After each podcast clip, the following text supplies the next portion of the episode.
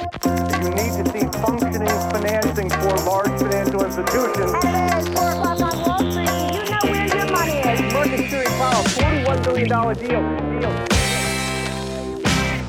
Då var det äntligen måndag en liten stund till och dags för investerarens podcast nummer 44 i ordningen. Den här veckan har ju varit lite prekär, det har varit ganska jobbigt skulle man väl kunna säga. Eller ja, nu den här veckan har ju bara varit måndagen då så att säga och börsen slutade faktiskt ner minus 0,02. Jag trodde verkligen att vi skulle kunna komma in i positivt territorium.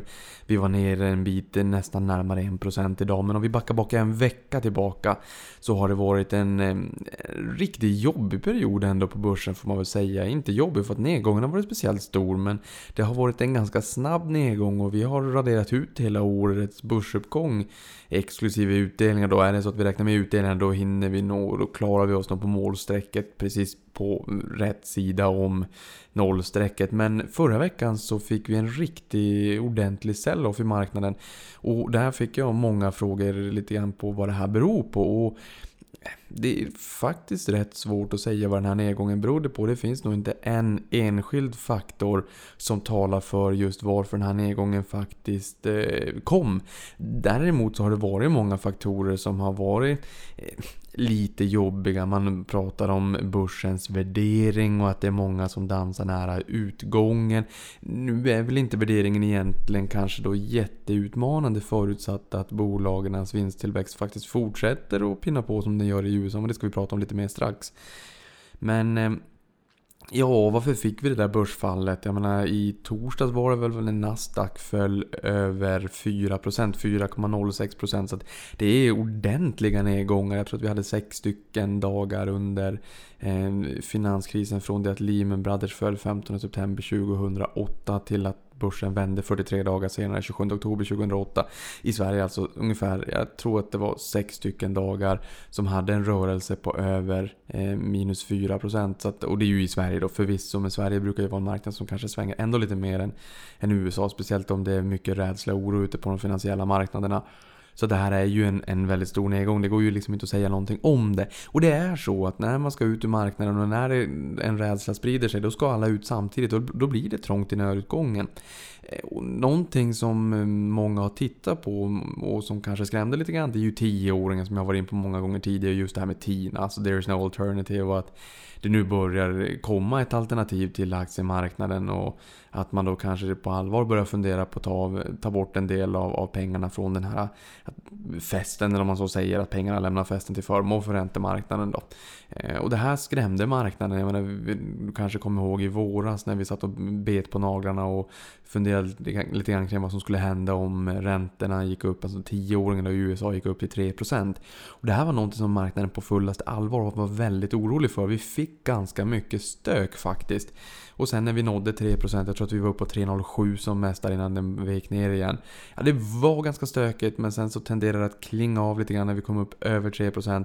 Ehm, sen föll det ju ner en bra bit men nu har vi varit upp på 3,25 förra veckan. Så att det, det börjar liksom pinna på. Och Bank of America Merrill Lynch har skickat ut en enkät till investerarkollektivet som säger att runt 3,6-3,75 där någonstans så tycker vi liksom att räntemarknaden är ett fullgott alternativ.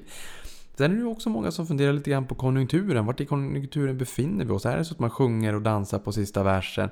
Och vad händer i sådana fall med bolagen och med vinsterna om det är så att vi får en konjunkturnedgång, en avmattning? Lite grann den här höst eller vårsnuvan. Inte halsfluss och inte liksom intensiva med att sväva på liv och död. Utan snarare att det blir lite lugnare en period. Ni vet ibland när det är så att man blir lite förkyld och krasslig och sådär men det inte riktigt vill bryta ut. Eh, men att man är lite sänkt, man är lite slö och, det är lite sandpapper på morgonen kanske. Man är allmänt lite, lite trött och lite slö helt enkelt. Det skulle vi kunna sägas vara en lättare lågkonjunktur.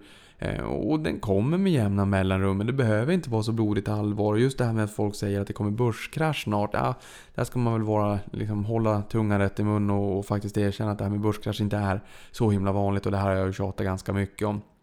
Men just det här då, men vart i konjunkturen befinner vi oss? Jag menar, många säger ju att börsen har gått upp i 10 års tid snart och att ja, men den måste ju gå ner nu för den kan ju inte stiga hur långt som helst. Men jag menar, då vill jag påminna om att ett börsår är ungefär 250 dagar, ett eh, kalenderår är 365,25 dagar. Det är därför vi har skottår vart fjärde år. Och jag menar, det hinner hända mycket saker och ting under ett år också. Vi hade Greklands frossan 2011, vi hade Standard Poor's sänkning av USAs kreditbetyg i augusti 2011. Vi hade Brexit eh, 2016, innan dess hade vi en peak eh, 27 april 2015. Fram till Brexitdagen 27 juni 16 så var vi ner 28%. Vi hade presidentvalet, vi har liksom haft mycket stök. Vi hade, vad var det, 4 januari vill jag minnas 2016 då när vi vaknade på morgonen där. 4 januari var alltså första handelsdagen. Då fick vi vara lediga några dagar extra i januari. Eh, då föll börsen riktigt ordentligt och det var ju också oro för eh, Kina. Eh, så i mångt och mycket så finns det olika oroshärdar att eh, oroa sig för eh, till och från helt enkelt. Och det här kommer vi inte vi kommer liksom inte ifrån det. Det kommer alltid finnas någonting att oroa sig för. Det ligger i sakens natur. Men just den här gången vet vi inte riktigt vad det var som utlöste det. Tioårsräntan är en, en, har en vågmästarroll. Konjunkturen, den, det är ju ingen som riktigt vet vart i eh, investerarcykeln, investeringsklockan vi befinner oss just nu i och med att mycket är väldigt annorlunda med negativa räntor i stora delar av världen och en skattereform i USA, den största på 30 år, som också kanske förlänger konjunkturen, det vet vi inte heller. Och det som händer i USA det påverkar för det är världens största ekonomi och världens största kapitalmarknad. Så det, det, går liksom inte att komma ifrån det heller. Sen har vi ju värderingarna som många tycker är lite jobbiga, lite utmanande. Och det där är ju också någonting som fällde börsen exempelvis. Eh, 2000, ja exakt 2000 faktiskt. Eh, till, till viss del, för där var det ju en eufori som inte riktigt var förankrad i varken vinst eller kassaflöden. Handelskonflikten är någonting vi har pratat om väldigt mycket i sommar också som har legat som en våt filt på, över marknaderna. Nu har ju USA fått till ett handelsavtal mellan Kanada, Mexiko och USA. Nu är det ju Japan, Europa har man ju kommit en liten bit längre och liksom inte är i någon superbråk-mode just nu. Sen Kina, där vill vi också se att det händer lite grann. Det har det ju inte riktigt gjort än, men det har ju å andra sidan varit ganska lugnt eh, de senaste dagarna i alla fall. Men sen tänker man väl lite grann att det här också kan bero på en sektorrotation och det är ju lite eh, speciellt faktiskt. Därför att techbolagen har ju gått fantastiskt bra de senaste åren. I förra podden med Karl Almfelt från Robur Ny Teknik så sa jag ju att eh, man ska inte säga att det är en ny ekonomi men det är en ny ekonomi som Ellen Greenspan sa. Eh, it's a new economy men då var det ju för eh, nästan 20 år sedan eller för 18 år sedan då, i och med IT-euforin. Det visade sig inte vara en ny ekonomi. Fast å andra sidan så var det ju någonstans en, eh, ett litet frö som såddes inför dagens teknikbolag som har tagit över en stor del av världen. Och jag menar, många av techbolagen använder jag ju till vardags och du också är jag helt övertygad om. Även det här med varför jag kan skjuta ut den här trevliga stämman i dina hörlurar eller i din eh, högtalare har ju också med tech att göra på sätt och vis och, och, internet och globaliseringen och allting och att allt är så tillgängligt just nu. Annars hade inte jag kunnat göra den här podcasten. Ehm, och techbolagen utgjorde som mest 26,5% av både S&P 500 och Nasdaq. Och det är klart, jag menar, när alla sitter med tech då blir det ju en crowded trade någonstans. För när alla vet att tech har gått jättebra och tech förmodligen kommer fortsätta gå jättebra. Förmodligen, med allra största sannolikhet. Men liksom, bolagen och en sektor kan inte springa hur mycket som helst i det korta perspektivet. Det är, det är en naturlag, det går liksom inte. Vi har någon form av gravitation även på börsen. Eh, och nu när jag spelar in det här så är klockan ganska nära midnatt och spöktimman. Så här på måndag natten mot eh, tisdagen. Och det innebär ju också att eh, amerikanska börsen har stängt vid 10 och här efter efter börsens stängning så skulle vi också få rapporten från Netflix då. Då får vi se lite grann vad som händer där. På tal om att techbolag och att allt inte går till himlen och de gick ju ner ordentligt mycket. Jag tror att de var ner 15% i Q2 här i somras när de kom med, med eh, siffror som inte riktigt föll marknaden i smaken. Och där, de siffrorna som är viktiga det är ju abonnentstillväxten då i antal nya eh, prenumeranter eller abonnenter. Men i och med att den här sektorn har blivit då jättestor så det är klart att eh, om det är så att man tycker att den här har gått väldigt, väldigt bra. Jag säljer av lite techbolag och sen så kanske jag plockar på mig någonting som har varit lite bortglömt. Eller om det nu är så att jag tror att konjunkturen sjunger på sista versen och då kanske jag darrar på manschetten lite grann. Jag menar, då vill jag ju positionera mig därefter. Det är ju inte konstigare än så. Sen kommer vi också in mot slutet på året och då är det mycket ompositioneringar när det kommer till institutionellt kapital och fonder och allt vad det kan tänkas vara. Man vill få bort surdegarna eh, för att inte liksom behöva ge ut några kanske kvartalsrapporter eller helårsredogörelser för vilka bolag man har i. Där vill man inte visa att man har surdegarna och sådär. Nu har ju inte techbolagen varit surdegar och det är nog lite för tidigt att skylla på att det här är någon form av window dressing inför årsskiftet för där är vi inte riktigt än. Men i alla fall när man då säljer de här techbolagen och de har gått fantastiskt bra, då blir det trångt i dörren och alla har ju suttit och funderat och bitit på naglarna och tänkt att oh men är tech övervärderat eller är det inte övervärderat? Och när man börjar se rotationen och det började vi se redan i somras ja men då fortsätter ju den. Och jag menar, sitter alla på, ja men nästan en... Eh, du ska ha haft en fjärdedel tech om det inte är så att du ska ha varit underviktad tech. Då är det klart att det blir ett säljtryck. Det är ju alldeles logiskt. Ehm, och det här kan snarare skapa köplägen för den som är långsiktig i den här typen av bolag. Jag är helt övertygad om det.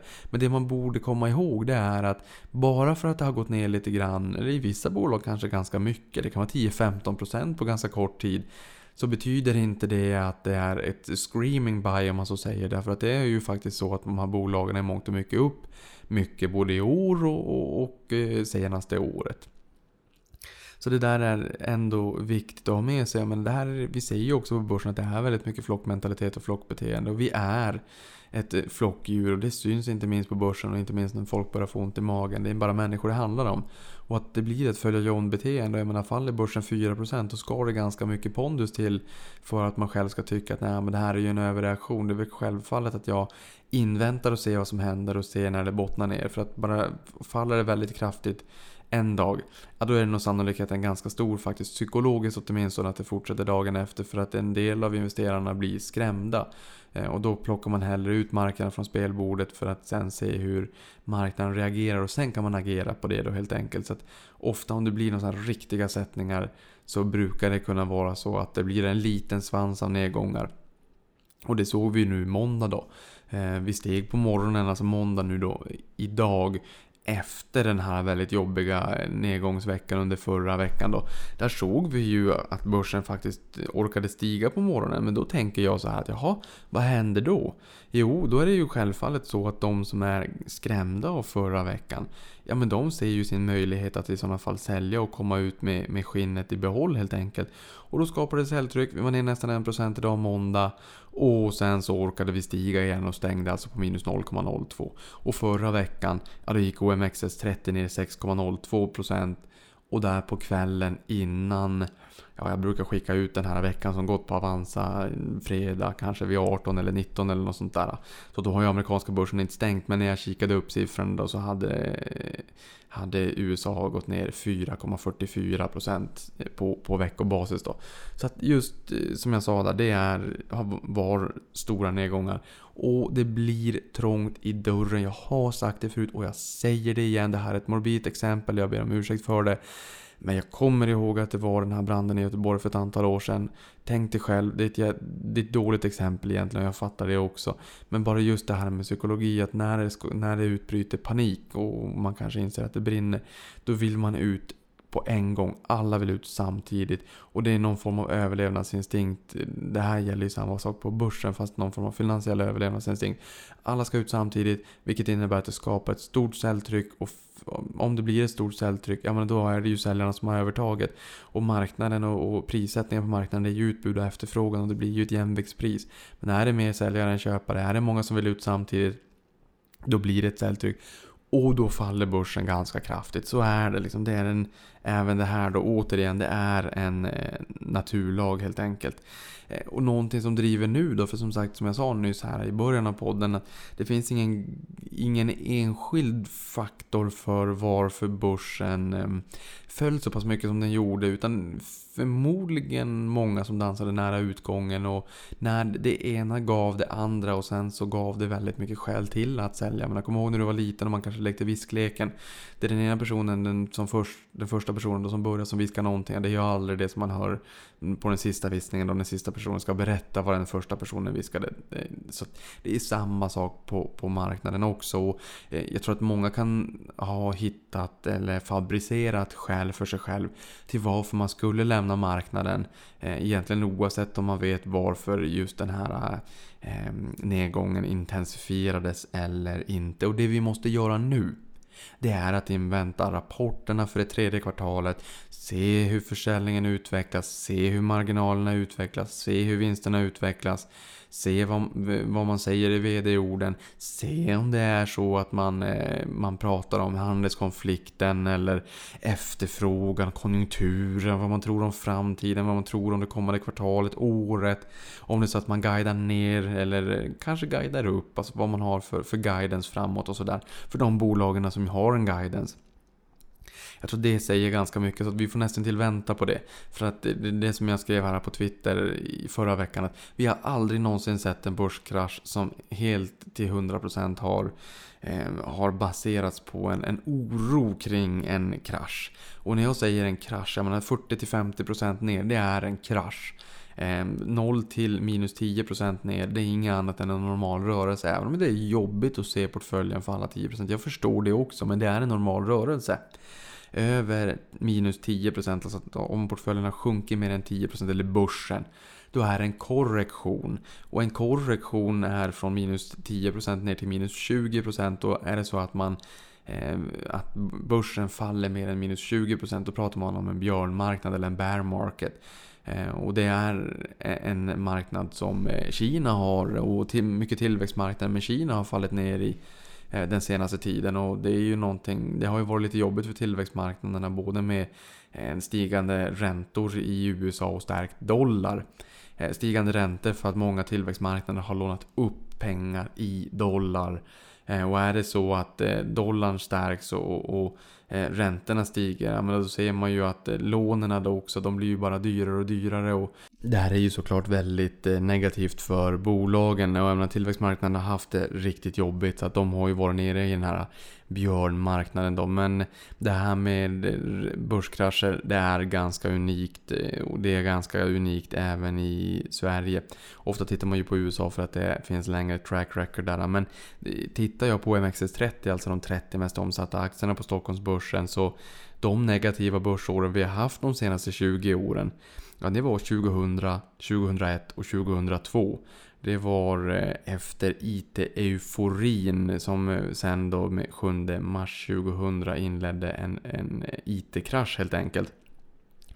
Och där ser vi ju att år 2000 föll börsen 11,92%, 2001 19,85% och sen 2002 då så föll vi 41,74%.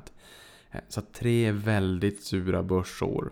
Sen hade vi ju finanskrisen då och då föll börsen 5,74% 2007. Den började ju vända ner där 13 juli 2007. Jag tror att det kan du nästan om jag väcker i sömnen nu efter så många gånger som jag sagt det. Och sen 2008 då, det var ju året när Lehman Brothers föll den 15 september. Då föll börsen 38,75% på helåret. Och sen hade vi 2011, då lite Greklands frossa och sen så fick vi ju också se USAs eh, kreditbetyg sänkt av Standard Poor. Då föll svenska börsen 14,51%. Och sen orkade vi faktiskt inte heller över nollan 2015. Och 2015 är ju fortfarande det året som huserar rekordet på OMXS30 på 1720,02 den 27 april 2015 och där är vi faktiskt inte ens tillbaka ännu. Eh, så det är ganska länge sedan som vi såg ett rekord där. Å andra sidan så är ju OMXS30 värdeviktat och det är bara 30 eh, aktier, 29 bolag till antalet. Atlas Copco AB är där i. Tittar vi på Stockholmsbörsens breda index så har ju den redan slagit rekord igen. Men man brukar ju säga i finansmedia att ja, men börsen stiger 10% någonstans. Det, det, är liksom det historiska snittet. Ja, det är det ju förvisso. Men det är ju också snittet. Det betyder ju inte att börsåren ser ut så här. Utan det är när man drar ett snitt helt enkelt. Jag pratade om, om IT-kraschen där som föll väldigt kraftigt. Ja, men innan det. Året innan, alltså 1999, då steg börsen 71%. Och det var året efter börsen steg 16,94% 98. Då hade vi ju för sig Rysslandskrisen och Asienkrisen och Rysslandsbörsen föll ju ordentligt mycket. Nästan utraderades faktiskt. Eh, det, det var en ordentlig kollaps.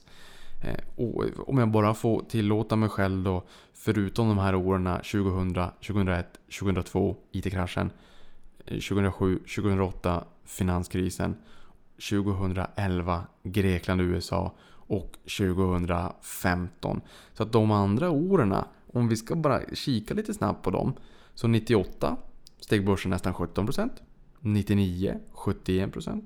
2003 steg vi 29%, 2004 steg vi 16,6%, 2005 steg vi 29,5%, 2006 steg vi 19,5%, 2009 återhämtningen steg vi 43,7%, 2010 21,42%, 2012 11,83%, 2013 2066, 2014 987, 2016 486 och 2017 i fjol 394 det man egentligen kan säga det är ju att de åren som vi har haft börsuppgångar, ja tvåsiffriga uppgångar är ju normalen egentligen de senaste 20 åren. Det är egentligen bara de senaste åren och det har jag sagt tidigare.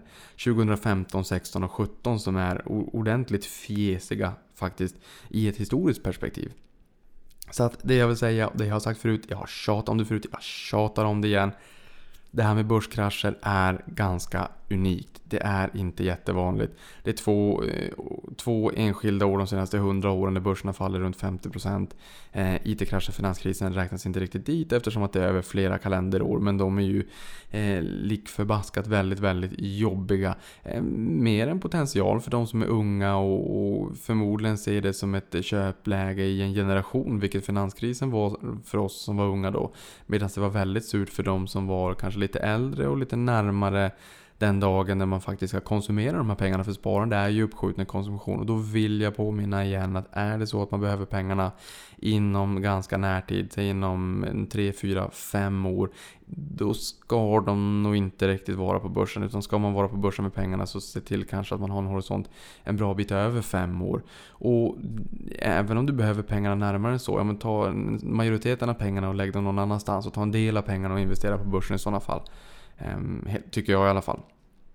Men i alla fall innan vi nu fortsätter krascha börsen så vill jag bara berätta om Amazon Web Services Loft Pop-Up Store i Stockholm. Där jag såg att Amazon Web Services hade öppnat en sån där Pop-Up Store på Kungsgatan och var jag tvungen att in där och...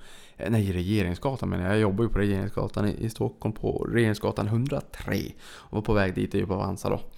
Eh, och då hoppade jag in på den här Amazon eh, Web Services pop-up store. Det var jättehäftigt. Det var lite datorer man kunde sitta och klinka på. Det var lite mötesrum.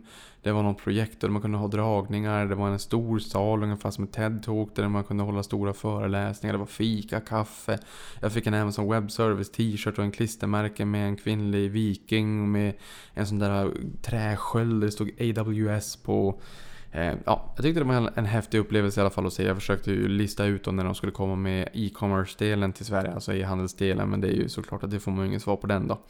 Nu eh, ska vi snabbt springa ifrån Amazon Web Services och direkt in på några bolag som har gått eh, lite sämre den senaste veckan just på grund av den här eh, sättningen i marknaden då. Och det första jag vill säga det är att eh, S&P 500 som då är de 500 största börsbolagen i USA, det är ofta ett tvärsnitt över amerikansk ekonomi. I Sverige nöjer vi oss med 30 bolag, eller eh, 30 aktier i OMXS30, vi har 500 i USA.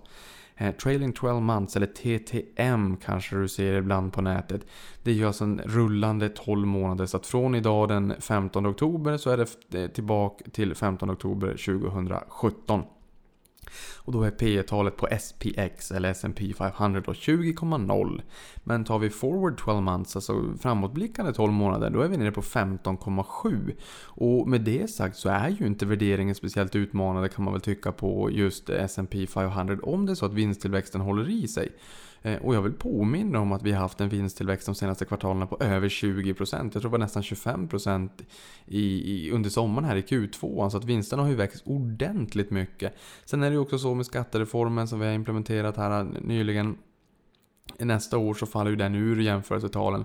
Så att nästa år så blir det betydligt jobbigare jämförelsetal för de amerikanska bolagen. Men Caterpillar får man väl säga är ganska konjunkturkänsligt, cykliskt. Det är som Volvo Construction Equipment, de här stora maskinerna som man ser runt om när det ska grävas och sådär på byggarbetsplatser. Eh, den gick ner 7,6% eh, förra veckan. Men Senaste året är den upp 11%. Boeing Eh, minus 7,5%. Eh, jag vill ju återigen bara påminna, jag tycker att det är så roligt kuriosa det där om att Boeings VD har sagt att 20% av världspopulationen någonsin har suttit på ett flygplan. Den har stigit 40% senaste året, den var väl upp 90% kalenderåret 17 upp 20% som mest i år innan eh, den vek ner då. Cisco hade P 400 kring IT-euforin. Eh, bara för att ta ytterligare en kuriosa där, kan jag inte låta bli.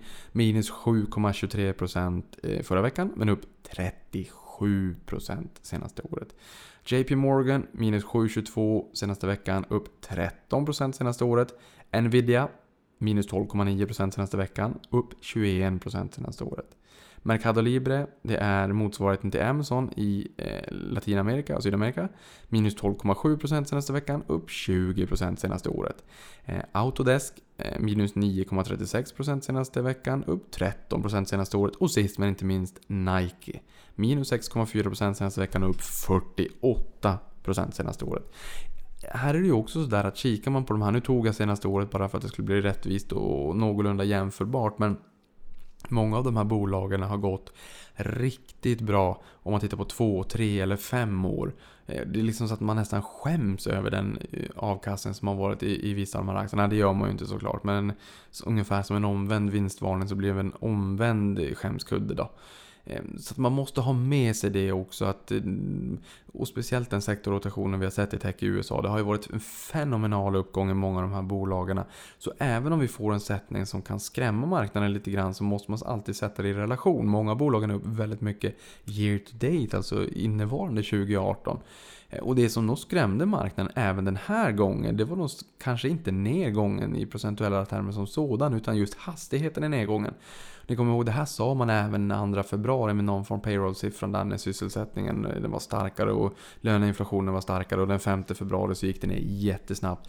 Eh, och då var det lite meck och lite olika konstiga positioner i VIX eller omvänd VIX. Det verkar som att det var lite grann ehm, så även den här gången. Financial Times skrev att ehm, ehm, kortningarna på, på VIX var Ehm, på, på den högsta nivån sedan januari. Eller derivatpositioner kopplade till VIX var den högsta sedan januari. Och det här kan ju stöka till det så att säga och skapa någon form av, eh, vad ska man säga, artificiell eh, volatilitet i marknaden om man så får säga så. Eh, och den där måste man ju våga ha, en, liksom våga överrida, eh, ja i och för sig det här var inte så bra eh, direktöversättning från override på engelskan men man måste klara av den där typen av svängningar och ibland kan det vara så att det bästa är att man bara åker utomlands och glömmer börsen ett tag. För jag har ju sagt det förut och jag säger det igen att ett av de största hoten långsiktigt från en långsiktigt eh, lönsam eh, aktieportfölj det är en själv att man får ont i magen helt enkelt. Det är så, det går inte att säga någonting om det. Ehm, och nyss när jag pratade om ehm, aktienedgången här, jag ta IT-kraschen som exempel. Eh, då såg vi marknaden falla från 2000 till 2002. 7 mars 2000 till 10 oktober 2002. Då var börsen ner 73% under 947 dagar. Eh, och under finanskrisen så, så föll vi 57,8% under 473 dagar. Just nu så står faktiskt även OMXS30 då lägre exklusive utdelning än vid toppen 7 mars 2000. Alltså 18 år senare. Eh, men räknar vi med återinvesterade utdelningar så står börsen 81% högre idag. Så att där har vi egentligen den avkastningen vi har fått på just OMXS30 det har ju faktiskt varit tack vare utdelningarna.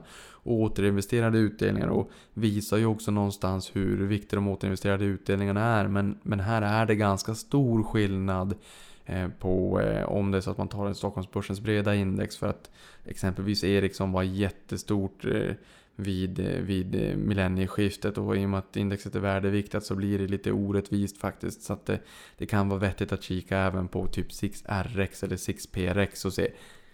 Och då är uppgången betydligt mycket större än så helt enkelt. Men är det nu så att man är riktigt, riktigt orolig för en, en jättesättning, men ha som mindset då att 50% ner, det är nog inga konstigheter. Någon gång under din investerarkarriär kommer det säkert eh, komma ett eh, tillfälle eh, på marknaden där vi får se en halvering av börsen. Och att man är beredd på det och liksom en nedgång på över 50% Eh, det kommer nog allt annat lika, i alla fall om vi lutar oss mot historien, leda till väldigt bra börsår därefter. Eh, för det blir ju en återhämtning. Men eh, det är ju så lätt att säga om det är så att man har investerat väldigt mycket pengar på börsen. Och, och, kanske inte ska stoppa in några mer pengar eller där nyinsättningarna är en ganska liten andel av den totala portföljen man redan har byggt upp. Jag menar då är det ju då är det inte speciellt mycket plåster på såren att jag sitter och säger så här snarare att man strör salt i såren. Men bara att komma ihåg att börsen tenderar ju alltid att vända och den tenderar att stiga över tid. Eh, och i de jävligaste av tillfällen som gör de, görs de bästa köpen, det är bara så. Och det kan vara vettigt att komma ihåg det där. Eh, och sen tycker jag också när man kikar på då hur börsen har gått sen eh, 7 mars 2000 när vi toppade efter IT-euforin och då fick det som slog över till IT-kraschen. Jag tycker att det är ganska orättvist också faktiskt att jämföra Ehm, börsen sen 2000. För att om du kommer ihåg vad jag sa alldeles nyss så har aktiekurserna, eller hade aktiekurserna då stigit, eller börsen så att säga, OMXS30, hade stigit 71% under eh, 99 fram till att vi pikade. Eh, och då finns det ju någon form av fallhöjd för det var en euforisk sista uppgång. Eh, så att man skulle nästan kunna säga att om vi inte fick den där galenskapen, den där manin och bara kapade bort och liksom raderade ut den där tidsperioden på börsen då kanske börsen inte hade fallit sådär jättemycket men inte stigit sådär mycket heller.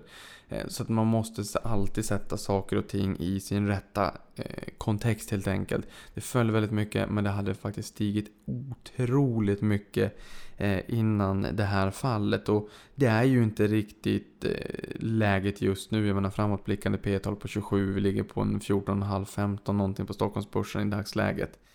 Sen har jag skrivit ett blogginlägg på Avanza här i, i fredags också just med anledning av den, de stora rörelserna på, på börsen. Eh, och där reflekterar jag lite över en favoritgraf som jag har. Så den kan du in på blogg.avanza.se. Eh, börskrasch? Frågetecken. Därför sitter jag still i båten heter det blogginlägget. Eh, och då visar jag de här graferna över björnmarknaden sedan 1930 på den amerikanska börsen. Det är som sagt ofta där vi har längst historik. Eh, och eh, när vi får en sättning på marknaden så går det väldigt fort neråt. Ehm, och det är för att alla vill ut samtidigt. Ingen vill sitta med, med Svarte Petter och säga ja, ja, alla andra sålde men jag sålde inte och nu sitter jag här och mitt kapital är helt eroderat och ja, jag borde ju ha fattat det här. Så enkelt är det faktiskt inte, men det är ofta det som gör att eh, det går väldigt fort ner för alla vill ut samtidigt. Och är det sen så att man har bränt sig, då tar det ett tag innan man verkligen vågar tro på att en vändning är förestående och att börsen ska upp istället. Därför är det ofta så att man säljer efter eh, kanske en initial nedgång när man får, man blir bränd, man blir rädd. Eh, och sen så måste börsen stiga för att visa att man åter har etablerat en stigande trend. Ja, då tappar man, dels har man ju sålt efter en, en viss initial nedgång på börsen.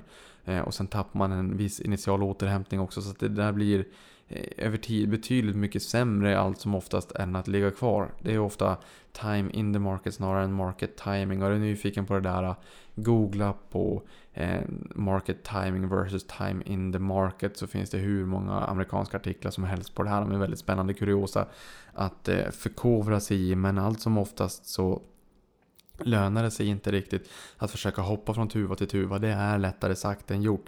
Men alldeles oavsett av den här grafen, in på bloggen, kika på grafen, du kommer förstå vad jag menar, du kommer förstå varför jag gillar grafen. Gör så här också, spara grafen, spara ner den på datorn, ta fram när det är jobbiga tider.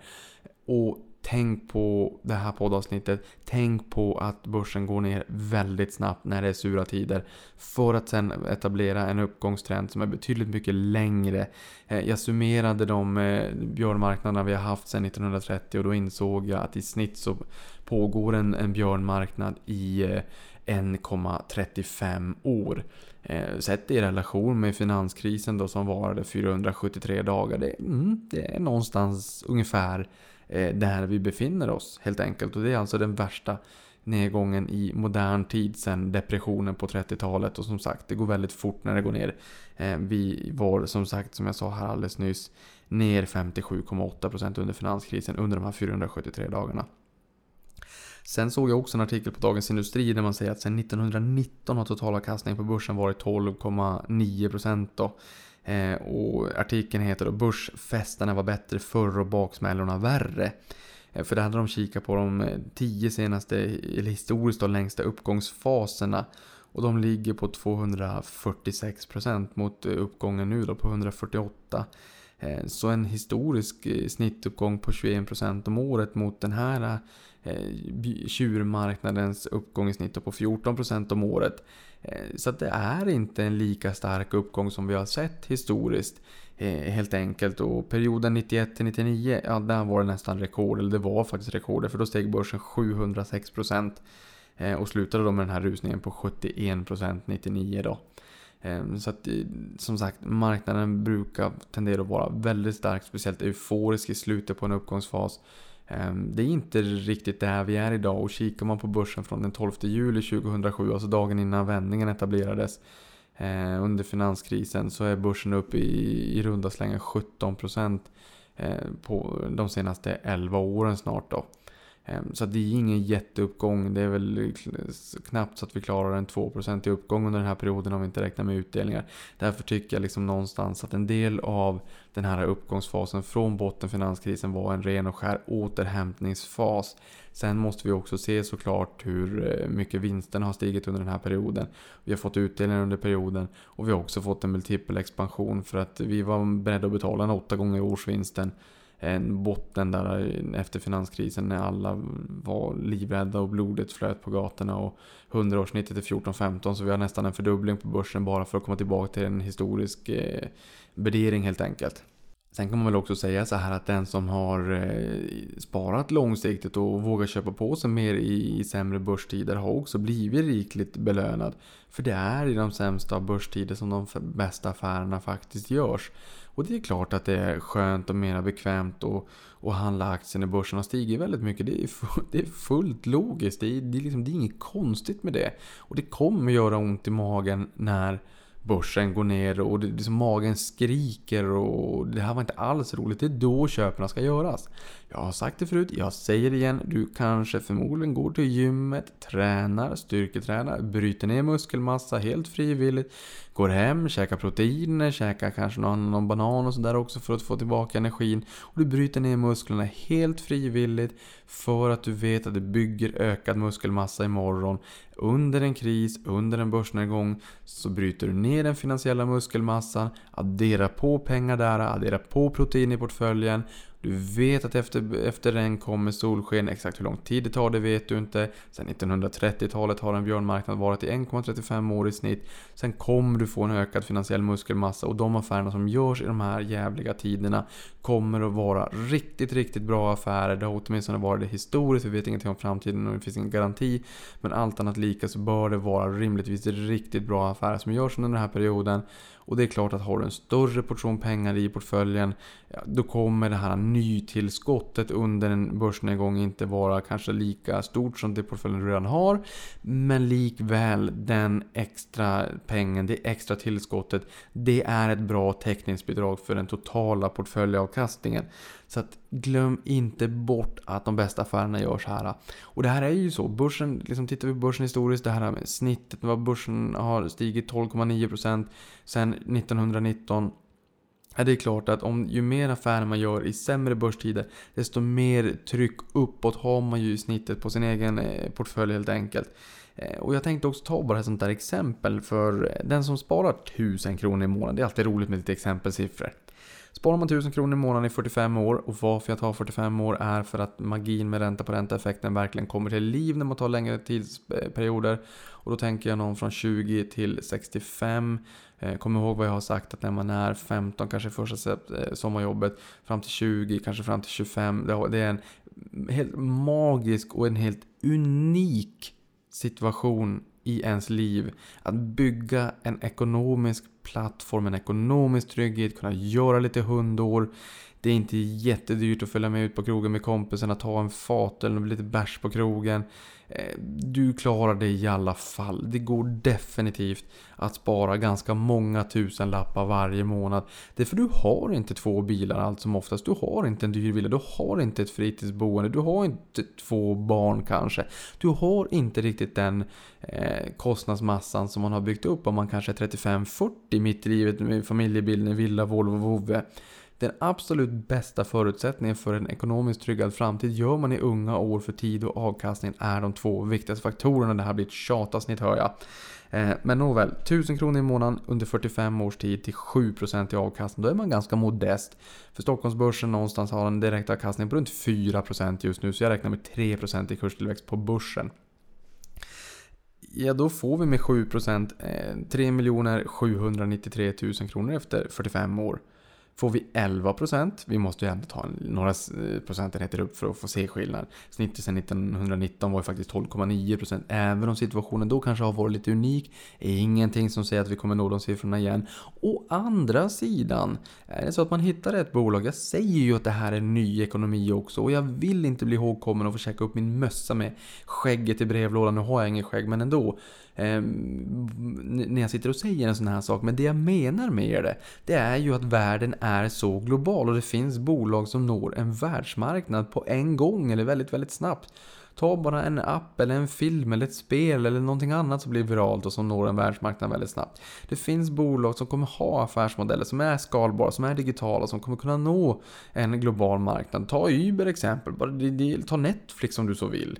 Eh, och de har ju för sig väldigt mycket kvar att göra globalt ändå, även om de finns i eh, 195 länder sist jag kollade, de är runt 200 länder någonting.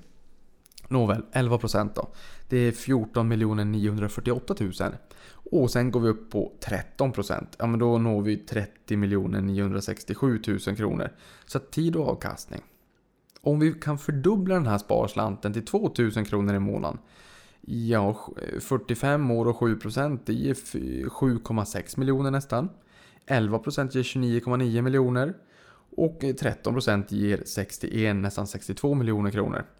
Och sen tar vi 5000 i månaden. Det är fullt möjligt att spara 5000 i månaden. Inte för alla, men för många. Och jag har alltid levt i, i, eh, i den, med den tesen att om jag inte kan spara, och jag har som de flesta av er säkert vet, sparat 50% av min lön under hela mitt eh, vuxna liv, eller sen 13-14, när jag, då sparade jag i och för sig 100% av min lön. Eh, men då jobbade jag också för 30 kronor i timmen, så att det var inte jättemycket pengar. Ehm, och nu kommer jag att generera lite alternativa kassaflöden här framåt också så att jag kommer ytterligare stärka mina avsättningar. Ehm, men det gör att man, man ser liksom vad ränta på ränta-effekten faktiskt gör. 5000 kronor tror inte jag är några konstigheter men ehm, som sagt, alla kan inte göra det. Men eh, säg det som inspiration då. Ja, 45 år då. Det är 18,9 miljoner till 7%. 74 eh, miljoner om du får 11%. Och eh, 154, nästan 155 miljoner om du når 13%. Eh, varför har inte alla gjort det här då? Ja, till att börja med kan vi säga för 45 år sedan då gick det knappt att gå in på banken och säga att man ville köpa aktier på riktigt. Det här var inte en marknad som var öppen för alla. Det har skett en, en liberalisering Eh, under senare tid. Eh, och förutsättningarna för att spara långsiktigt har aldrig någonsin varit bättre. Jag tror att för vissa av er så la jag upp en liten bild i somras med eh, min ordförande i Aktiespararna i den ledningsgruppen jag sitter i. Som berättade om att han har delvis aktier som, en aktie som är 100 år gammal som har gått i generationer i arv i familjen. Och när han sitter och berättar Eh, för vilka belopp och hur mycket det har lyckats förränta sig till idag så är det nästan så att man inte tror att det är sant. Eh, men det är just det här att för de allra flesta människorna, dels så får man ont i magen, psykologin kommer emellan, man säljer, eh, kanske som för att Nasdaq går ner 4% och sen så säljer man och tycker att det är jättejobbigt. Eller så kommer livet AB emellan och så tar man ut från portföljen. Det är därför jag säger, ha en buffert, sätt pengarna, pengarna som du kommer behöva i ekonomin, ha det på ett konto, öronmärk det någon annanstans. Pengar i portföljen är kapital, pengar på konto, buffert är pengar. Då kommer du inte få lika ont i magen när börsen går ner för du tänker inte på portföljens kapital som pengar och det gör inte jag. Därför kan jag vara långsiktig. Ehm, och ju yngre du är, desto bättre är det att börsen går ner. Men mina bröder, de är födda 92, 93, Simon och Daniel. Eh, de kan ibland höra av sig och säga ja men nu går börsen ner så mycket, hur ska jag tänka? Ja, du tänker precis som du gjorde förra gången du ringde till mig. Det är buy and hold, eller om man nu vill med Jim Cramers buy to build, att man köper och sen så fortsätter man bygga över tid helt enkelt. Det är ju det det handlar om. Hitta de bolag du vill äta långsiktigt. Det kanske är lite kannibalistiskt men eh, de bo ja i och för sig det kan man väl säga det på det sättet också. Men köp de bolagen du vill äga långsiktigt. Och köp över tid och kom ihåg att ju yngre du är desto bättre är det att börsen går ner. Det är bara så. Det må vara jättetråkigt. Min, min lillebror sa att ja, men nu är portföljen ner eh, 15 000 eh, bara på en vecka. Ja, och mitt enda svar var, var glad att du inte har min portfölj. Eh, för då var den mer än 15 000. Men det är samtidigt så här, och, och det sa jag till min mamma också, att eh, och hon förstår inte jättemycket det här med finans. Men ibland säger hon väl vad som händer och sådär. Och säger Niklas, ja men hur tänker du nu? Får du ont i magen? Alltså, Nej, det får jag inte. För att, eh, och, det, och det här är, ska jag också säga är någonting som har utvecklats över tid. Det är klart, jag menar finanskrisen Eh, då var det förmodligen så att mitt humör svängde i mångt och mycket som börsen svängde. Eh, och det handlar någonstans om att lära sig och få en distans och få en ökad förståelse och som jag har sagt många gånger tidigare att en, en kris gör att du lär dig hur du reagerar och sen agerar och i mångt och mycket så handlar det om självkontroll, självdisciplin, psykologi och det finns lika många investeringsfilosofier som investerare. Hitta den filosofin som passar dig bra, hitta någonstans lugnet och, och, och en sån nyckel till att hitta det här lugnet det är just att ha den här bufferten. Det är för att om börsen går ner så ska det inte vara en resa, en cykel, en bil, eh, en ny dator, en padda, en mobil. Glöm det. det de pengarna har du på buffertkontot. Eh, är det så att du sålde några aktier i portföljen, ja men då måste du köpa någonting annat. Det för att annars så sitter ju pengarna sysslolösa, annars är ju pengarna arbetslösa. Pengarnas syfte är att jobba för dig. Sysselsätt dina pengar och låt dem jobba för dig. Sen är det inte fel, förvisso, att från tid till annan eh, ha en, en torrt krut eller kanske dra ner på sina investeringar, ha en likviditet, i en kassa för att man tror att det kommer stöka till på marknaden. Det är inte min melodi. Men jag sa precis att det fortfarande finns, eller förmodligen finns lika många investeringsfilosofier som investerar. Det kanske passar dig. Gör det då i sådana fall. Och se till att inte ta utdelningen från kontot. För det är den återinvesterade utdelningen som verkligen gör magin. Jag sa ju nyss att OMXS30 har egentligen stått flät eh, sen, eh, sen 7 mars 2000. Det är den återinvesterade utdelningen just där som har gett avkastning. Så att glöm inte bort att den är eh, jätteviktig. Eh, och sen vill jag liksom också mena på de här exemplen som jag drog alldeles nyss att eh, här, våga vara långsiktig. Är, ju yngre du är, tid och avkastning. Det gör ingenting om börsen går ner. Det är egentligen bara att tacka ta emot. Ju mer börsen går ner, men för varje månad som du köper mer så köper du in det billigare. Du sänker ditt genomsnittliga anskaffningsvärde. Så att börsen behöver ju inte ens gå tillbaka till plus minus noll från när du köpte dina första aktier heller. Utan om du köper hela vägen ner, om vi skulle få en sättning, ja då behöver börsen inte stiga speciellt mycket för att du ska få break-even. För du köper ju hela tiden på dig mer. Och nu säger jag inte att du ska köpa på dig mer i ett enskilt bolag som går ner, där det bara går ner, ner, ner, ner, ner, medan börsen kanske går upp eller är oförändrad. För då kanske det är någonting som är lite problematiskt i bolaget. Eh, och bolag som har operationella utmaningar, där kanske man ska vara försiktig. Men om börsen som sådan brett går ner, eh, ja, det håller inte i sig hur länge som helst. Det är bara så.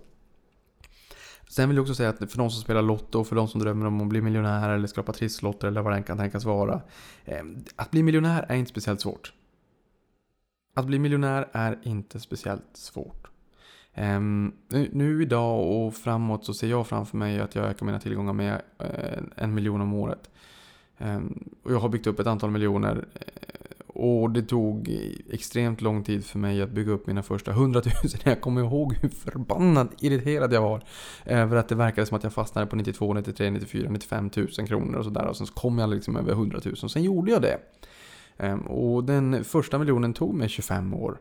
Ehm, den andra miljonen tog mig betydligt mycket kortare. Och tredje ännu kortare. Och fjärde och femte ännu kortare. Ehm, och nu går det liksom väldigt snabbt. Och jag sätter ju av och sparar en rätt stor del av min inkomst varje år och det, jag har ändå rätt mycket i utdelningar från portföljen varje år också. Eh, sakta men säkert, det pinnar på ganska snabbt faktiskt. Och det är just det här jag menar också. att Om det är så att eh, det går ner i portföljen idag och du bränner, eh, jag ska inte säga att eh, 100 000 eller 500 000 är värre än 1000 kronor i portföljen. Det är för att man kan inte riktigt raljera så. Men jag vill ändå utmana och säga att du, du måste liksom hitta över tid det sättet som gör att du skapar någon form av distans till portföljen, distans till börsen och snarare ser möjligheten när börsen går ner snarare än, än riskerna för en börskrasch. Och är det så att du är ny i karriären, är det så att du precis har börjat köpa aktier, Ja, vad spelar det egentligen för roll om det är så att börsen kraschar 50% vilket är ett unikum, det har hänt två gånger de senaste 100 åren som jag sa. Eh, ett enskilt kalenderår. Va, vad spelar det för roll om du har satt in 10 000 på börsen och, och, och portföljen faller 5 000? Eh, däremot så är det jobbigare ifall du är 64 år, och vill gå i pension vid 65 och byggt upp ett större kapital som du vill leva av. Där du är mer beroende av pengarna. Det är desto jobbigare. Men då, de pengarna ska inte riktigt vara på börsen. Om det inte är så att du har byggt upp en, en utdelningsportfölj så att säga och du bara ska leva på utdelningen. Det är en annan femma. Men hörni, herregud vad tiden går fort. Jag tänkte ju att jag skulle ha någon form av lite kortare avsnitt här. Eh, för att det kommer så många bonusepisoder under veckorna har jag märkt. Så nu ska jag försöka sluta babbla. Det här blir en enda lång utsvävning. Eh, men det jag egentligen ville säga innan jag började den här långa utsvävningen det är att eh, det är inte speciellt svårt att, att nå en miljon. och, och Alltså en, en, en viss anledning till varför jag säger det också, det, det är det liksom termen jag själv har hittat på här, att det är positiv provokation. Och det jag menar med positiv provokation, det är att jag, jag ska, sitter liksom inte här och säger hur enkelt det är och hit och dit, utan det är snarare för att eh, liksom provocera dig lite grann till att banne mig kan, kan Niklas så kan jag. Och så är det också, du kan det, det är fullt möjligt. Du som lyssnar på det här kanske redan har, har nått det målet. Om det är så, alltså en, en miljon eh, ja, vissa säger såhär, vad är en miljon kronor? Man får ändå ingenting för det. Nej, fast köper du får inte ens en skrubb innanför tullarna i Stockholm. Men, men Sverige är mer än Stockholm om vi pratar bostadsmarknad. Men skillnaden på en miljon i lån från banken och en miljon i tillgångar är två miljoner. Och det tenderar faktiskt ganska många människor att glömma bort, eh, lustigt nog. Men för att nå den här miljonen då så sparar du 5000 kronor i månaden i 11 år till 7% i, i, i avkastning. Ja, då tar det eh, helt enkelt eh, 11 år. Eh, och 11 år, det är klart att det är en tid. Men så börjar du när du är 20 eh, och har ett jobb. Det är klart att vi ibland så kanske du studerar men du kanske kan jobba vid sidan av studierna också. Och, och flitigt pinna på lite grann och sätta av 5000 kronor. Det passar inte för alla. Men är det så att du vill uppnå det här? Ja, när du är 31 så kan du i sådana fall eh, mest troligt kanske kunna titulera dig liksom miljonär. Eller titulera, men du kan ju åtminstone sträcka på dig själv om man tävlar emot sig själv och känna så att ja men nu har jag ändå byggt upp en, en miljon. Skulle du få 11% ja då tar det 9,5 år. Eh, när det, när det är ett årtionde, då gör de här extra procentenheterna inte jättemycket. Men skulle jag räkna på 45 år, då, då gör en skillnad på 7% i avkastning eller 11% gör en enorm skillnad. Sparar du 5000 i månaden så skulle jag nästan, jag vågar inte svära på det rakt upp och ner, men nästan kunna säga att den skillnaden på 4 procentenheter är nästan mer pengar än vad du drar in på ett helt yrkesverksamt liv. Nästan.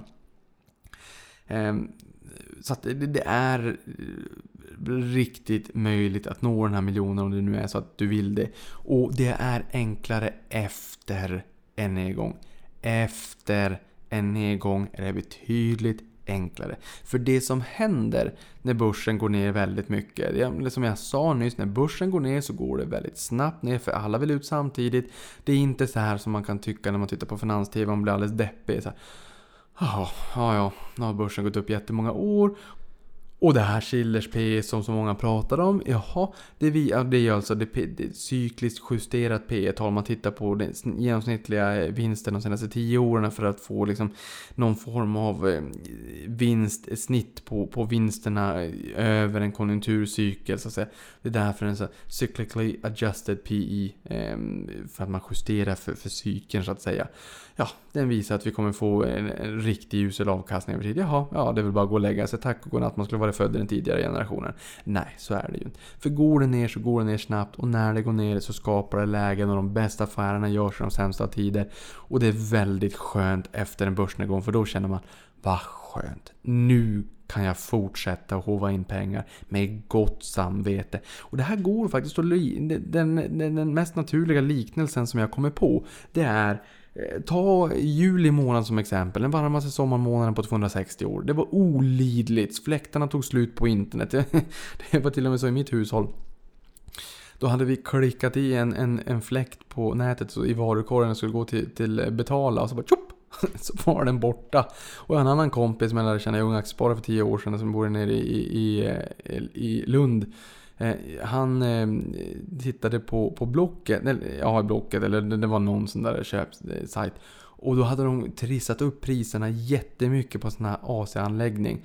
Men vad skulle han göra? Det var ju bara att köpa helt enkelt. Och jag menar, där såg man ju att det kom in många ärenden till sån här klagomåls eh, helt enkelt.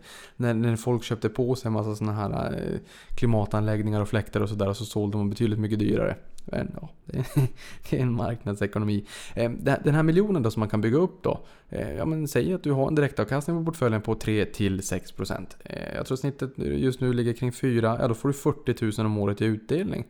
Ehm, 6% kan du absolut bygga upp. Då blir det ju en portfölj i sådana fall som har eh, aktier som har en hög direktavkastning och då kanske det är mogna bolag och man har en hög utdelningsandel och sådär och då kanske det inte blir så mycket mer totalavkastning än 6%. Men då får du 60 000 om året.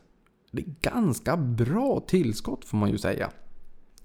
Ja, men hur tänker jag själv då när börsen faller? Eh, nu tänker jag, jag har ju knappt kommit, eh, ja, jag har knappt kommit någonstans egentligen på det jag tänkte säga. Men eh, jag har varit in på det tidigare, jag tycker att man ska skilja på pengar och kapital. När börsen faller eh, så blir den billigare att köpa in sig i och den potentiella värdestegringen framåt, den blir bättre. Det, det, är liksom så här, om börsen går upp alldeles för snabbt och speciellt alldeles för snabbt när du, när du eh, håller på att försöka köpa in dig i marknaden. Jag menar, jag är ju on the buy side of life i 20-30 år till och ska ju nettoinvestera i många årtionden. Det är som att köpa en stor godispåse på matvaruaffären och, och föräta sig mätt på godiset när man precis har betalat i kassan i butiken och knappt knappt ens har hunnit komma hem än. Hur ska du då orka äta den här goda fredagsmiddagen? Och då kommer din respektive bli ganska förbannad på dig om du ligger på sofflocket och har sockerkoma för att du har förätit dig på godis dessförinnan. Det är lite grann samma sak om börsen går upp jättemycket när du är precis ny och liksom fått in lite pengar på börsen. Det är jätteroligt att se det stiga. Men sen då? Alla köp som du kommer göra därefter kommer göras till riktigt, riktigt usla nivåer. Om jag raljerar. Så ju yngre du är, desto bättre att börsen faller. Eh, du har den största delen av kapitalet framför dig, alltså oplacerat. Eh, tänk på utdelningarna och utdelningstillväxten. Eh, utdelningarna och utdelningstillväxten svänger betydligt mindre över tid än vad portföljen gör. På Avanza, in på kontoöversikten, värdepapper, längst ner har du en kontograf. Tryck på utdelning. Där ser du utdelningarna år över år. 2015, 2016, 2017, 2018. Och det kan du se som löneförhöjningen i portföljen. Eh, det, det, även om, om börsen svänger jättemycket. Du skulle ju egentligen kunna sätta förbud och kyskhetsbälte på, på datorn och säga att du får inte logga in på depån. Men du ser att eh, utdelningarna trillar in på, på ditt konto varje år och tenderar att stiga eh, ganska mycket från år till annat. Alltså att utdelningarna från portföljen stiger. Jag menar, du har en löneförhöjning kanske på 2% och portföljen kan ge 7, 8, 9, 10%. Det är inte ovanligt. Eh, så den stiger mycket snabbare. Och just det här med att hoppa från tuva till tuva, det är inte så enkelt som man säger. Det är liksom enklare i teorin än i praktiken. I eh, praktiken så är det snarare time in market än timing the market. Googla om du vill läsa mer kring det här. Ehm, men att missa de tio bästa dagarna gör en enorm skillnad för avkastningen. Men, säger ju alla då. Vad händer om jag missar de tio sämsta dagarna? Ja, det är klart att det blir mycket bättre. Men hur gör du det praktiskt då? Go ahead. Det, det, liksom, det funkar ju inte. Att, miss, att inte missa de tio bästa dagarna. Det du behöver det är ju någon form av passivitet. Att våga ligga kvar i marknaden och våga vara långsiktig. Men att klara av eh, de tio sämsta dagarna ja, det är ett ganska delikat bekymmer. Då får du gå till en spådam och det ska vara en väldigt bra spåkula. Sen vill jag också bara påminna om aktiespararens sju, eh, sju gyllene regler eh, som är Sätt mål för ditt sparande i aktier och aktiefonder. Var långsiktig. Nummer två, investera regelbundet. Nummer tre, kontrollera riskerna. Nummer fyra, var försiktig med belåning. Eh, jag använder belåning för flexibiliteten, att kunna köpa precis när jag vill och sen så betala tillbaka när lönen kommer. Jag vill ha flexibiliteten, jag vill inte ha hävstången, jag vill inte ha en förhöjd risk i portföljen. Jag vill ha flexibiliteten. Eh, och sen håll dig välinformerad och följ inte råd okritiskt. Eh, gör din egen analys och sätt upp regler för när du ska omplacera. Sen tycker jag ju också att man ska ha en inköpslista, det vill säga vilka aktier vill jag köpa mer in i börsen är riktigt sur och tråkig. Ha en nedskriven handling med investeringsregler också för hur du, hur du får förhålla dig. Hur stora positioner vissa bolag får vara, hur mycket du ska månadsspara.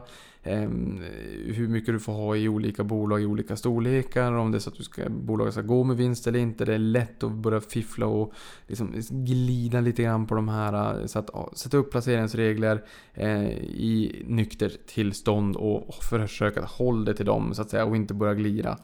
Um, och sen så också lär dig hur du reagerar och sen agera när börsen är sur. Du kommer behöva och du kommer ha nytta av den erfarenheten. Och jag har sagt det i många, många, många, många år Eh, till många av de människorna jag haft runt omkring mig. Kapsla in den känslan när börsen är riktigt, riktigt bra. Jag har haft perioder där börsen har varit riktigt bra. Ja, alla har väl haft den, den perioden för att börsen har inte haft någon, någon lokal eh, solsken för mig. Men, men de perioderna börsen har gått riktigt bra när portföljen har rusat i värde. Inte minst i somras. Portföljen rusade i värde. Och det var liksom lite svårt att greppa hur, hur eh, man kan ligga hemma i, i hängmattan även fast jag inte har någon hängmatta och tjäna mer pengar än vad det, en, en, en, man gör på att jobba under ett helt år exempelvis. Eh, och sen kommer en sättning. Så att ibland går börsen upp jättemycket och ibland går börsen ner jättemycket.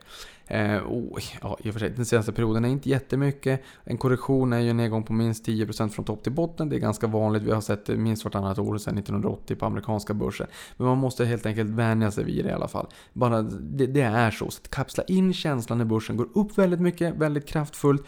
Ta fram den känslan när du, när du har svårt att hitta hoppet så att säga. Och när, när börsen bara går ner, ner, ner. Och när, när portföljen är ner väldigt mycket ena dagen. Och sen så ser du i USA så, så fortsätter det ner. Och sen så på morgonen när du vaknar i Asien så har det fortsatt gått ner. Och sen är det bara som att det är bara luft. När, när den svenska börsen öppnas bara tjoff. Så försvinner ännu mer pengar. Så här, våga eh, stå ut och våga tänka det som kapital och inte pengar helt enkelt. Ehm, och som Jim Cramer i, jag tjatar mycket om honom men jag tycker att han är lite smågalen och han är rolig. Han brukar säga “Nobody has ever made a dime by panicking”. Det ligger jättemycket i det. Nu är det nyhetssvep och det är ju tur att det är ett väldigt kort nyhetssvep för nu har jag poddat väldigt länge. Eh, skönt ändå att vi har haft rätt bra driv den här eh, timman får jag väl ändå säga. Ehm, eh, förra gången så körde jag bara 30 minuter. Och då har vi investeraren Bill Ackman som har med hans hedgefond eh, Pershing Square som har byggt en ägarposition i kafékedjan Starbucks till ett värde av 900 miljoner dollar. Eh, och Starbucks-aktien stängde upp på den här nyheten när vi fick veta den. Sen har vi gamingbjässen Activision Blizzard som föll mest 13,2% eh, från toppen då här för en tid sedan, första oktober. Va? Ehm, och föll fortsatt eh, ännu mer under förra veckan när det var stök. Och är nu då minus 7,7% lägre än första oktober. Så att den var ner 13,2%, hämtas ganska mycket, men ändå en, en bra bit ner från första oktober. Ehm, och i fredags så släpptes ju Call of Duty Black Ops 4 och blev en succé. Eh, slog rekord i digital försäljning bland bolagets samtliga titlar och jag ställde också någon fråga här på Twitter från här Gamers och där ni sa att det var eh, rekordsiffror. Eh, eller ja, nu ska jag hålla tungan rätt i mun. Men det var...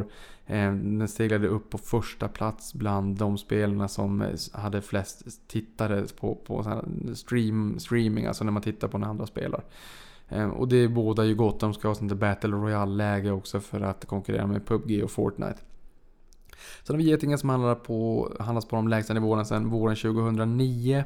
Här har man ju reserverat 1,8 miljarder och säger att det kan bli väsentligt mycket mer än så. Ehm, och, ehm, det här är för stämningar då som har kommit in mot ett dotterbolag. Och det roliga, eller ja, det är inte så roligt i och för sig, men man reserverade 1,8 miljarder. Ehm, Börsvärdet tappade mer än 4 miljarder, så dubbelt så mycket idag, vilket tyder på att marknaden är försiktigt inställd. Getinge har ett dåligt track record när det kommer till informationsgivning och det har blivit väsentligt dyrare i tidigare fall. Och det här är mer pengar än vad man betalade för hela bolaget när man köpte det här dotterbolaget 2011. Clas Olsson kom med eh, försäljning som steg 6% i september. Eh, däremot så steg det lite mindre om man tittar på like for like eh, och i lokala valutor. Like for like och i lokala valutor, alltså i, i jämförbart butiksbestånd, lokala valutor så, så minskade det faktiskt. Men det marknaden tog fasta på var att onlineförsäljningen ökade 38%. Och den ökade 49% när när man tittar på, på liksom year to date så att säga. De har ju brutit räkenskapsår. Men, men eh, online fortsätter att eh, pinna på ganska ordentligt. Eh, förut sa man att eh, försäljningen skulle stiga med 2% om året. Nu har man höjt det, det målet till 5% om året. Däremot så skulle rörelsemarginalen förut vara 10%. Nu har man sagt eh, 6-8%. Så det är ju ett volymspel det här helt enkelt. Men vi får ju se om den nya strategin från Clas Ohlsons sida biter. Eh, helt enkelt. Sen har vi 7 av 11 eh, sektorer i SPX eller S&P 500 som förväntas rapportera eh, tvåsiffrig eh, vinsttillväxt i Q3 och lätt av energi. Och trots att man är lite orolig för stigande kostnader så tror man att man i det här kvartalet då kommer rapportera den näst högsta nettomarginalen i Q3 2018 här då. Sen man började mäta de här siffrorna 2008. Sen har vi amerikanska kapital och fondförvaltaren Nathan Vaughn som höjer utdelningen för 38 året i rad och höjningen på 13% ger en direktavkastning på 3%. Det här rapporterar Finwire. Utdelningen har höjts med i snitt 17% under de här åren vilket innebär att utdelningen i nu är 388 gånger högre än den första utdelningen för 38 år sedan. Ränta på ränta, man behöver ju bara 15% eller bara och bara. Men för att något ska fördubblas vart 50 år, 17% eh, eh, går eh, ännu snabbare. Sen har vi börsnoteringen av Tencent Music, eh, Music då, som skjuts upp på grund av börsoron. Eh, de är störst i världen med 650 miljoner användare varav 25 miljoner är betalande. Eh, och de har över 20% nettomarginal på grund av social interaction för det här med fysiska event och konserter och allt sådär. Det är inte jättevanligt i Kina. Så att det här med social plattform, social interaktion som en del, de gillar ju karaoke och sådär där borta också. Som en del av, av Spotify gör att de har en jättefin lönsamhet. Så att eh, Tencent Music är lite grann som Spotify och det är lite grann som Twitch också med livestream och sådär. De har liksom tudelat. Sen inte minst eh, så har det varit ett flertal insynsköp i Storytel. Eh, lyssna på det avsnittet med Jonas Thelander, grundare, medgrundare och VD här som var i podden för något avsnitt sen. Det var riktigt trevligt. Sen kan jag också säga så här att i min pipeline så har jag eh, Swish ordförande imorgon tisdag. En representant från Visas fintech-avdelning som ska prata lite om vad som bubblar under ytan i paytech-världen. Jesper Norberg från tidigare EFN, nu DITV kommer och berättar om sitt liv, sin karriär. Eh, och sen har vi Gabriel från Börsveckan som kommer med och spelar in två poddar. En på rapportsäsongen Q3 tänker jag och en på, eh, på eh, Börsveckans utdelningsportfölj. Vi har gjort ett playklipp varje år och vi har gjort en podd och det här har varit väldigt uppskattat så det tänker jag det ska vi göra om igen. Och sen Fredrik Wester från Paradox kommer också och sist men inte minst så kommer jag ha en utsvävarkvart på EFN varje söndag. Och Tack för att ni verkligen gillade podden med Karl Armfelt i torsdags. Det blev riktigt uppskattat. Och sist men inte minst, det här är första gången jag säger det. Eh, jag uppskattar nog enormt när jag får fem stjärnor på, eh, på eh, Apples podcaster. Så tycker du om podden, in och ge mig fem stjärnor. Tycker du att någonting kan förbättras, då skickar du ett mail till kontakt.investeraren.com. Alternativt pingar in mig investeraren på Twitter. Jag vill ta åt mig allt sånt här Ehm, det här är ett hobbyprojekt, jag vill bli ännu bättre. Det hade varit jätteroligt med lite musik, lite börsklockor och hit och dit. Eh, jag, kan, jag är inte jättebra på det, men det, det får liksom komma framåt. Så alla förslag du har på för hur man kan förbättra den här podden, förutom att man ska vara två och en dialog, eh, två personer. För det vet jag, det hade varit roligt. Eh, med de orden, stort tack för den här veckan. Nu får jag inte prata längre för nu är det alldeles för mycket övertid. Ha en riktigt bra vecka. Kom ihåg att de bästa affärerna görs i de sämsta av tider och riktigt fin avkastning på dig så hörs vi väldigt snart igen.